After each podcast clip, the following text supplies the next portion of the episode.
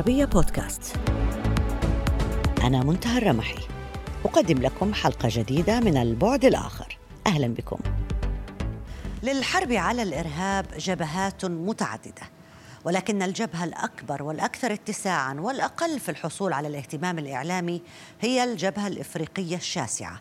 والتي تمتد من عمق الصحراء الكبرى وتعبر عدة دول وبلدان تعاني من مشاكل اقتصادية وسياسية وتمثل بيئة خصبة لنمو الحركات المتطرفة من مالي والنيجر وحتى الصومال وموزمبيق. خلال الأسابيع الماضية توجه معظم التركيز الإعلامي نحو عملية الانسحاب الأمريكي من أفغانستان ولكن انسحابا آخر جرى الإعلان عنه خلال هذا الصيف وسيكتمل في الربيع المقبل. سوف يقدم بعدا استراتيجيا مهما في الحرب على الإرهاب وهو الانسحاب الفرنسي من إفريقيا وإنهاء عملية برخان.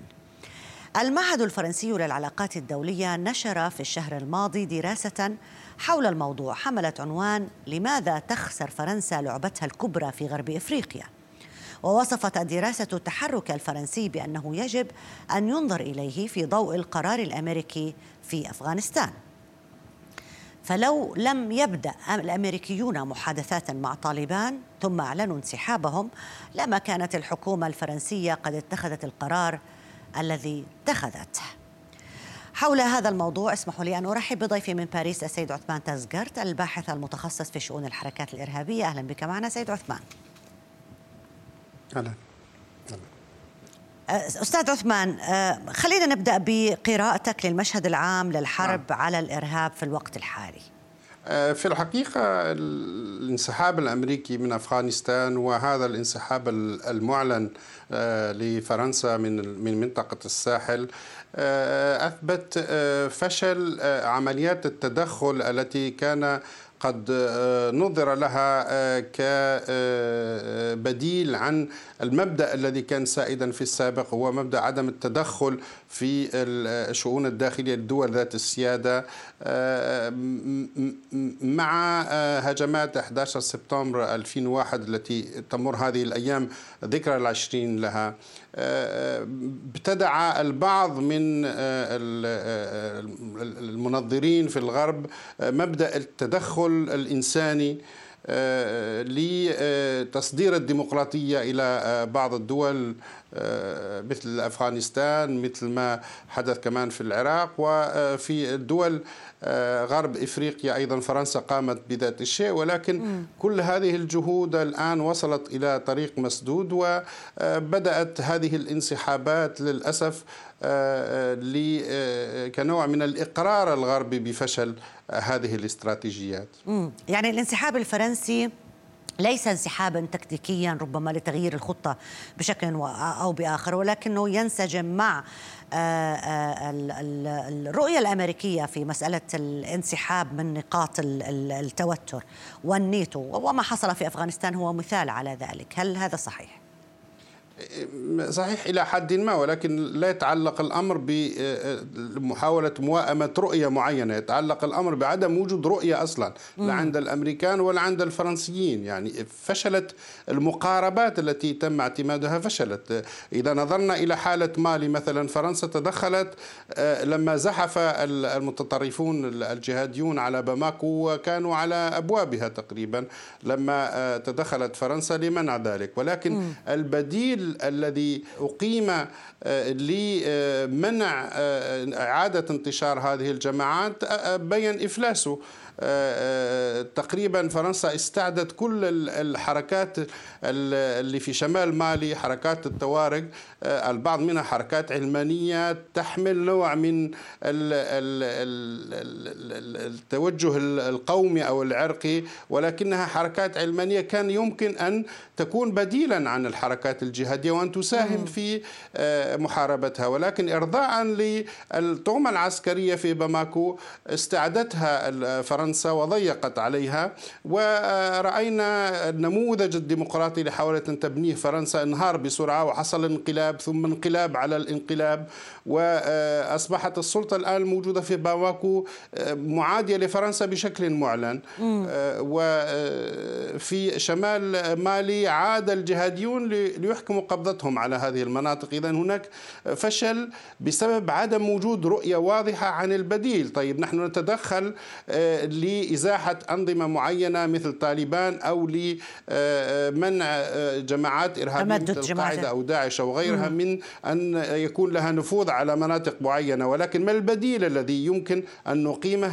يعني إذا البديل كان بديل يمكن أن تستمر إلى الأبد. صحيح. إذا كان البديل هو زي ما حصل في أفغانستان نعم. هو التخلص من نعم. طالبان أعاد طالبان مرة أخرى أو محاولة التخلص من طالبان. الولايات المتحدة الأمريكية تبرأت من هذا الهدف لدخول أفغانستان. عندما قالت بأنه إحنا دخلنا من أجل فقط يعني نخفف عمليات الهجمات أو نمنع الهجمات على الولايات المتحدة الأمريكية ونجحنا في هذا الهدف أريد أن أسأل عن قلب إفريقيا ماذا تمثل قرب إفريقيا بالنسبة للجماعات المتطرفة؟ هل يمكن لها أن تتحول آه، بالتحديدا المنطقة من جنوب الصحراء تتحول لحاضنة كبرى للحركات المسلحة مثلا؟ طبعا الحركات الجهادية كلما تم التضييق عليها في مناطق نفوذها تبحث عن ملاذات جديدة والملاذات الجديدة لها مواصفات واضحة أن تكون هناك مناطق شاسعة غير خاضعة لسلطة مركزية قوية ويمكن أن تقيم فيها معسكرات وأن تتحرك بحرية وأن تكون هناك حاضنة ما اجتماعية أو سياسية تسمح لها بأن تحظى بحماية السكان هناك سواء كان القبائل كما هو الأمر في في أفغانستان وباكستان أو آه، بعض الإثنيات الموجودة في آه، منطقة الساحل التوارق وغيرهم ممن لديهم آه، مشكلة تاريخية مزمنة مع السلطات المركزية في بلادهم سواء في النيجر أو في مالي. هذه المواصفات تتوفر بامتياز في هذه المنطقة الإفريقية الشاسعة منطقة صحراوية كبيرة لا تخضع لأي سلطة مركزية قوية لا توجد دول هناك باستثناء تشاد لا توجد دول لديها جيش قادر حقيقة أن يضبط الأمن آه، آه، أو أو حتى أن يضبط حركة التهريب مم. على الحدود فبالتالي آه، سهل ذلك أمر انتشار هذه الجماعات وبدأت هذه الظاهرة بدأت بشكل مبكر في بداية التسعينات لما كان صحيح. هناك الجماعات الإسلامية المسلحة في الجزائر وجدت قاعدة خلفية هناك ولكن جاءت الأزمة الليبية وتدفق الأموال والأسلحة. غالبية هذه الأسلحة انتقلت إلى إلى إلى آه، شمال مالي وأصبح قوات الجيش الفرنسي تهاجم الآن بأسلحة من صنع فرنسي وهذا فرنسي. يعني يبين مدى عبثية المشهد. لا توجد صحيح لأنه ما ما في رؤية استراتيجية. بس نعم. هل يعني عند الدول لا توجد رؤية استراتيجية واضحة لكيفية التخلص أو لصياغه طريقة ما للحرب على الإرهاب تأتي بنتيجة في نهاية الأمر. هل هناك استراتيجية واضحة أكثر لدى الإرهابيين؟ يعني هل الإرهابيين الموجودين القاعدة اللي كانوا في أفغانستان أو داعش الموجوده الآن في أفغانستان بتواصلوا مع أولئك الذين في إفريقيا لهم نفس الهدف مع أولئك الذين كانوا في العراق أو في الجزائر أم إنه أيضا هؤلاء الاستراتيجية لهم؟ كل كل أعتقد كل آه، آه، تنظيم في منطقة جغرافية معينة له آه، قياداته وله الآن استراتيجيته المحلية. لم يعد هناك تنظيم هرمي مثل ما كان عليها الأمر أيام القاعدة أيام بن لادن. يدير يعني قيادة مركزية تدير الاذرع التنظيم في كل المناطق. الآن أصبحت نوع من الاميه مثل ما كان عليه الوضع أيام الاتحاد السوفيتي. آه، يعني هناك آه، حاضنة إيديولوجية آه، عامة وهناك تنظيم مركزي يقوم بالتحريض وإصدار الفتاوي والتشجيع على آه، القيام بعمليات إرهابية بينما التنظيمات المحلية في كل منطقة لها أجندتها الخاصة ولها قياداتها ولها مصادر تمويلها الخاصة أصبحت نوع من من من العولمة بعد أن كان هناك تنظيم مركزي يدير كل شيء من أفغانستان, أفغانستان صحيح. صارت القيادات متعددة التنظيمات متعددة وكل كلها كلها لديها أجندتها الخاصة وقيادتها الخاصة. آه كل هؤلاء لديهم زي ما ذكرت حضرتك في أجندة خاصة محلية ربما للقيادات آه، آه، المحلية. لكن بعض الآراء والدراسات أو كثير منها تعيد هذا إلى آه، جذر واحد ومصدر واحد اللي هو فكرة الإسلام السياسي. فرنسا بشكل عام مثلت رأس حربة بالنسبة لأوروبا في مواجهة الإسلام السياسي. فرنسا تقوم بالكثير من الإجراءات للتقليل من نفوذ جماعات الإسلام السياسي في أوروبا. هل يمكن أن ينجح ماكرون في هذه السياسة؟ أوروبا فرنسا وأوروبا عموما محكوم عليها بأن تنجح في هذه السياسة وإلا ستكون هناك كارثة أسوأ مما شهدناها لما كانت داعش في وج بروزها. في الحقيقة في السابق لما كان الإرهاب من تنظيم القاعدة ويتم التخطيط له بشكل مركزي وترسل فرق معينة للقيام بعمليات في فرنسا في ألمانيا في, في بريطانيا كان الإسلام السياسي الإخوان المسلمين وما إلى آه، ذلك من تيارات آه، حتى تيارات التبليغ وغيرها ممن يقولون أنهم لا يمارسون العنف. كان ينظر إليهم كحركات آه، معتدلة بالعكس يمكن أن تكون بديلا عن الإسلام صحيح الجهادي. صحيح. ولكن لما برز داعش ولم تكن لدى داعش قيادة مركزية قادرة على أن ترسل فرق من سوريا أو العراق لتنفذ عمليات في الغرب أصبحت مهمتها أكثر في التحريض الإعلامي ومحاولة نشر هذا الفكر المتطرف عن طريق شبكات التواصل الاجتماعي. هنا اكتشف الغرب أن التيارات الإسلام السياسي هي الحاضنة أو غرفة الانتظار الذين ينضمون إليها صحيح. ويتدربون على هذا الفكر الأصولي. غالبيتهم يتم استقطابهم من من قبل الجماعات الجهادية. فأصبح الآن هناك وعي بأن هذا الفكر الذي يدعي الوسطية ويدعي الاعتدال هو في الحقيقة إيه؟ الحاضنة الذي الذي يحضر التربة الخصبة ويقوم بعمليات غسل الدماء ويقوم بتحريض الشباب المسلم اليوم في أوروبا ضد مجتمعاتهم ويعلمهم الغلاق الطبقي الغلاق الطائفي والانعزال عن بقية المجتمع ويعلمهم النظر إلى الآخر غير المسلم على أنه عدو بينما هو صحيح. شريك في المواطنة متى ما تجدرت في أنفسهم وفي عقولهم هذه الأفكار يصبح من السهل على أي حركة جهادية أن تستقطبهم لأنهم صحيح. أصلا مشحونون إيديولوجيا ضد مجتمعهم وضد الدولة التي يعيشون فيها فيسهل يعني ربما ربما من من المفيد حتى لو كان متأخر أنه الدول الأوروبية منها فرنسا أدركت هذا متأخرا. كلنا نعلم أي التنظيمات وأي الجماعات التي كان يتم دعمها وتقديم التسهيلات لها في أوروبا بشكل عام. شكرا جزيلا لك سيد عثمان تزغرت الباحث المتخصص في شؤون الحركات الإرهابية. شكرا جزيلا. في مدينة الموصل المحررة من تنظيم داعش حرص الرئيس الفرنسي إيمانويل ماكرون على أن يعلن استمرار بقاء القوات الفرنسية في العراق ضمن التحالف الدولي لمكافحة الإرهاب. رمزية هذه الزيارة زيارة مكرون إلى الموصل تشبه رمزية القوات الفرنسية هناك التي لا يتجاوز عددها 800 جندي ولكنها تعبر عن التزام دولي بمحاربة الإرهاب. حول هذا الموضوع اسمحوا لي أن أرحب بضيفي الدكتور توفيق أكليمندوس أستاذ العلوم السياسية ورئيس وحدة الدراسات الأوروبية بالمركز المصري للفكر والدراسات الاستراتيجية. أهلا بك معنا دكتور توفيق. أهلا يا فندم. دعني أبدأ معك بهذه الرسائل المتناقضة التي تبدو عند الغرب بشكل عام فيما يخص مواجهة الإرهاب. هل نحن فعلا أمام انسحاب الآن أم مواجهة؟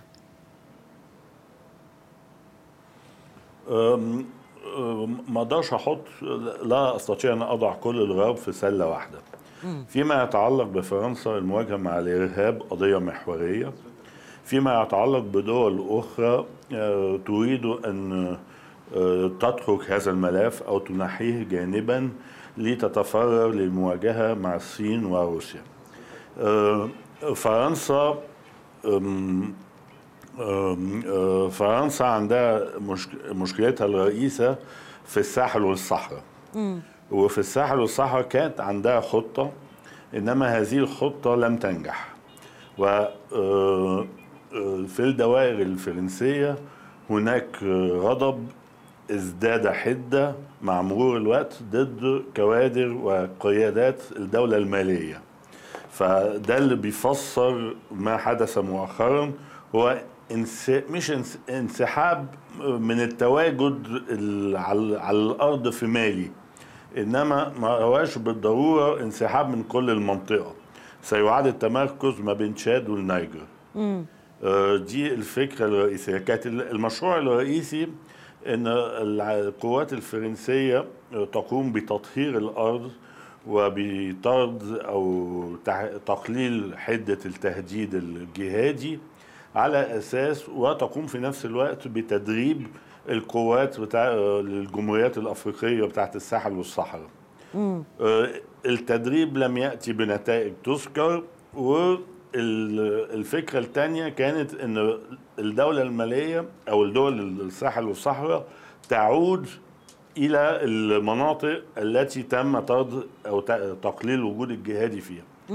الدولة المالية مثلا لم تفعل هذا وكل طرف يلقي اللوم على الطرف الثاني ولو عدم تواجد على الأرض ما يسمحش إن نعرف مين فيهم المخطئ. بس الدولة في غضب كان واضح جدا إيه لكن يا دكتور في الإليزيه وفي الخارجيه أنا معك بس أيوه. قبل قليل ضيفنا الأستاذ عثمان ذكر بأنه الغرب كله وحتى فرنسا لا يوجد لديهم استراتيجية واضحة حول آلية وكيفية مواجهة الإرهاب بدليل أنه بصير في آه، آه، انسحاب من هذا المكان إعادة تكتيك من المكان الآخر ويعني آه، عدم وجود استراتيجية واضحة تجعل الأشياء بالنسبة لهم فيما ماذا بعد غير واضحة. واخذنا مثال على ذلك أفغانستان والإدارة الأمريكية كيف تعاطت مع حركة طالبان. هل فعلا تتفق مع هذا الرأي أنه لا يوجد استراتيجية عامة لدى الغرب في محاربة الإرهاب؟ هي فقط حرب فقط. أنا عندي ميل أقول أن هناك استراتيجية فشلت. وجاري الآن صياغة استراتيجية أخرى. استراتيجية كانت قائمة على الفكرة ذكرها الأستاذ عثمان أن القوات الجهادية بتنتشر تنتشر في مساحات تغيب فيها الدولة.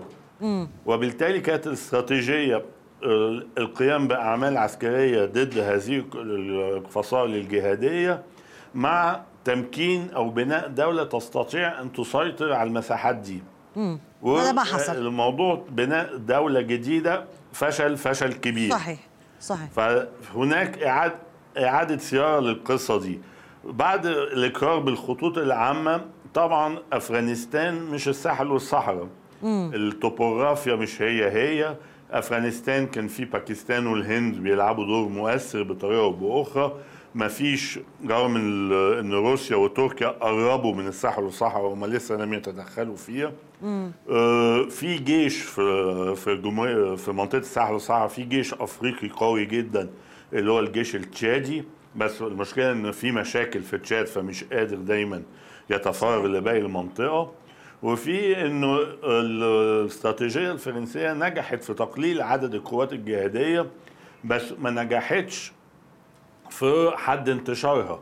هو القوات الجهادية سابت دلوقتي الشمال مالي وانتقلت لوسط البلاد لمنطقة الثلاث حدود هناك وابتدت تهدد الكوت ديفوار ودول الخليج الغيني.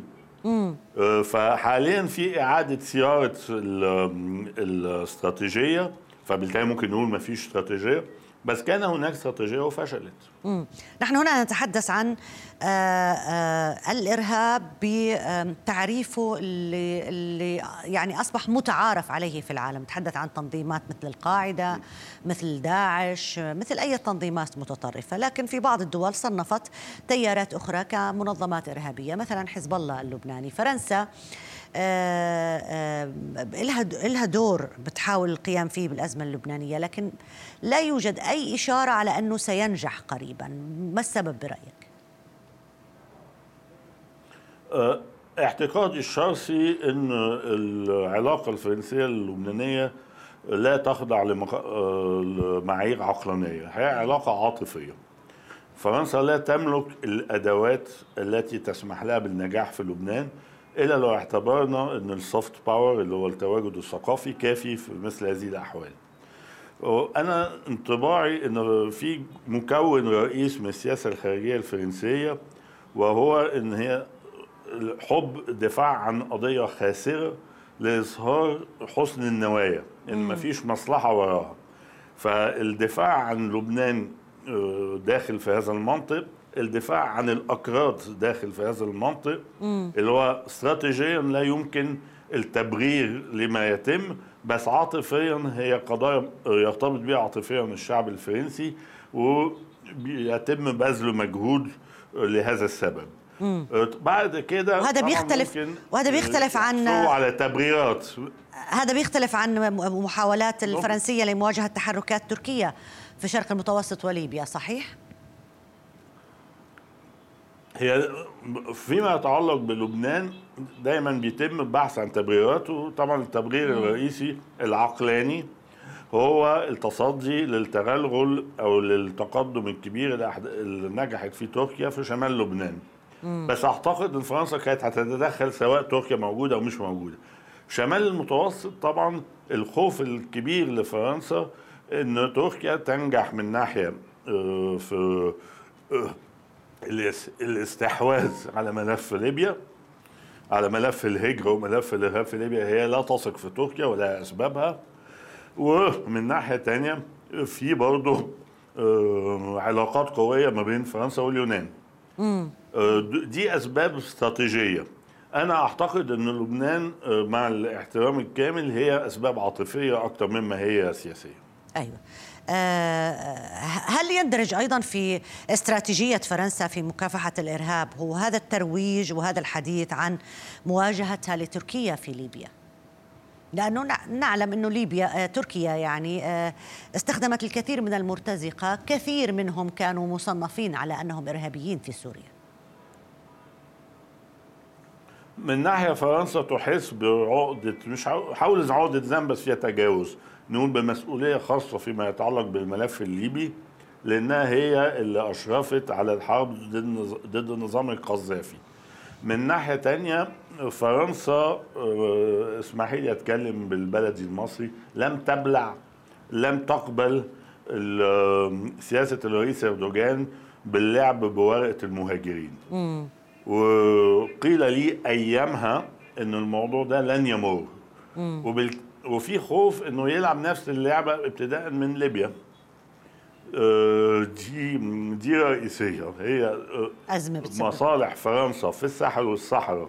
وفي ليبيا في معترضة يعني أو في تناقض تام مع المصالح التركية. آه، دي واضحة جدا. وفيما يتعلق بشرق المتوسط نفس الشيء. إلى جانب بقى الاعتبارات الشخصية أي بس بالمنطقة الرئيسين، آه، صحيح لكنه بالمنطقة بينهما كراهيه شخصية. بمنطقة الشرق الأوسط حتى بعيدا عن الساحل ال- والصحراء في إفريقيا في اهتمام فرنسي. بدليل هذا الاجتماع الأخير في العراق الذي شارك فيه الرئيس ماكرون آه، آه، تحديدا يعني دونا عن أي زعيم آخر. آه، فرنسا مهتمة تاريخيا جدا بالعراق. الرئيس شيراك سواء لما كان رئيس وزراء أو لما كان رئيس جمهورية آه، عنده كان بنى علاقات قوية جدا مع العراق. حاليا الناس أظن لا تركز كثيرا على كون وجود عدد كبير من الكوادر العراقية درست في فرنسا أو في ألمانيا في نهاية السبعينيات وأوائل الثمانينات. وحاليا دول في مراكز مهمة في الدولة. وطبعا العراق دولة غنية. وبعد وفرنسا عندها مصلحة آه، من ناحية في القضاء على تنظيم داعش اللي هو موجود في العراق وفي دعم الدولة الوطنية العراقية وفي مخاطبة نقول الشي- الشيعة العراقيين من المصنفين إنهم محتدلين. ففي رغبة قوية في تقديم الدعم وقد يكون مش فقط دعم مالي أو تكنولوجي في ممكن نقول دعم نو هاو كيف يعني فرنسا. اقترحت في وقت ما إيه. آه، آه، آه، إنها تشارك تشرك العراق خبرتها في كيفية دمج ميليشيات في جهاز الدولة أو كيفية تفكيك ميليشيات. يعني الاهتمام بالعراق قد يكون فرنسا بعد الحرب العالمية واضح صحيح. الاهتمام بالعراق من قبل فرنسا. واضح بدليل إنه آه، فرنسا تريد الإبقاء على جنودها في العراق حتى لو انسحبت الولايات المتحدة الأمريكية من العراق وهو وضع مختلف عن أفغانستان اللي كان في انسحاب للناتو حتى في فترة قبل الانسحاب الأمريكي. شكرا جزيلا لك دكتور توفيق كليموندوس الأستاذ العلوم السياسية ورئيس وحدة الدراسات الأوروبية بالمركز المصري للفكر والدراسات الاستراتيجيه ألف شكر لك على المشاركة معنا. شكرا جزيلا. إلى هنا انتهت حلقة اليوم من البعد الآخر. يمكنكم دائما متابعتنا على مواقع التواصل الاجتماعي تويتر فيسبوك ويوتيوب. إلى اللقاء.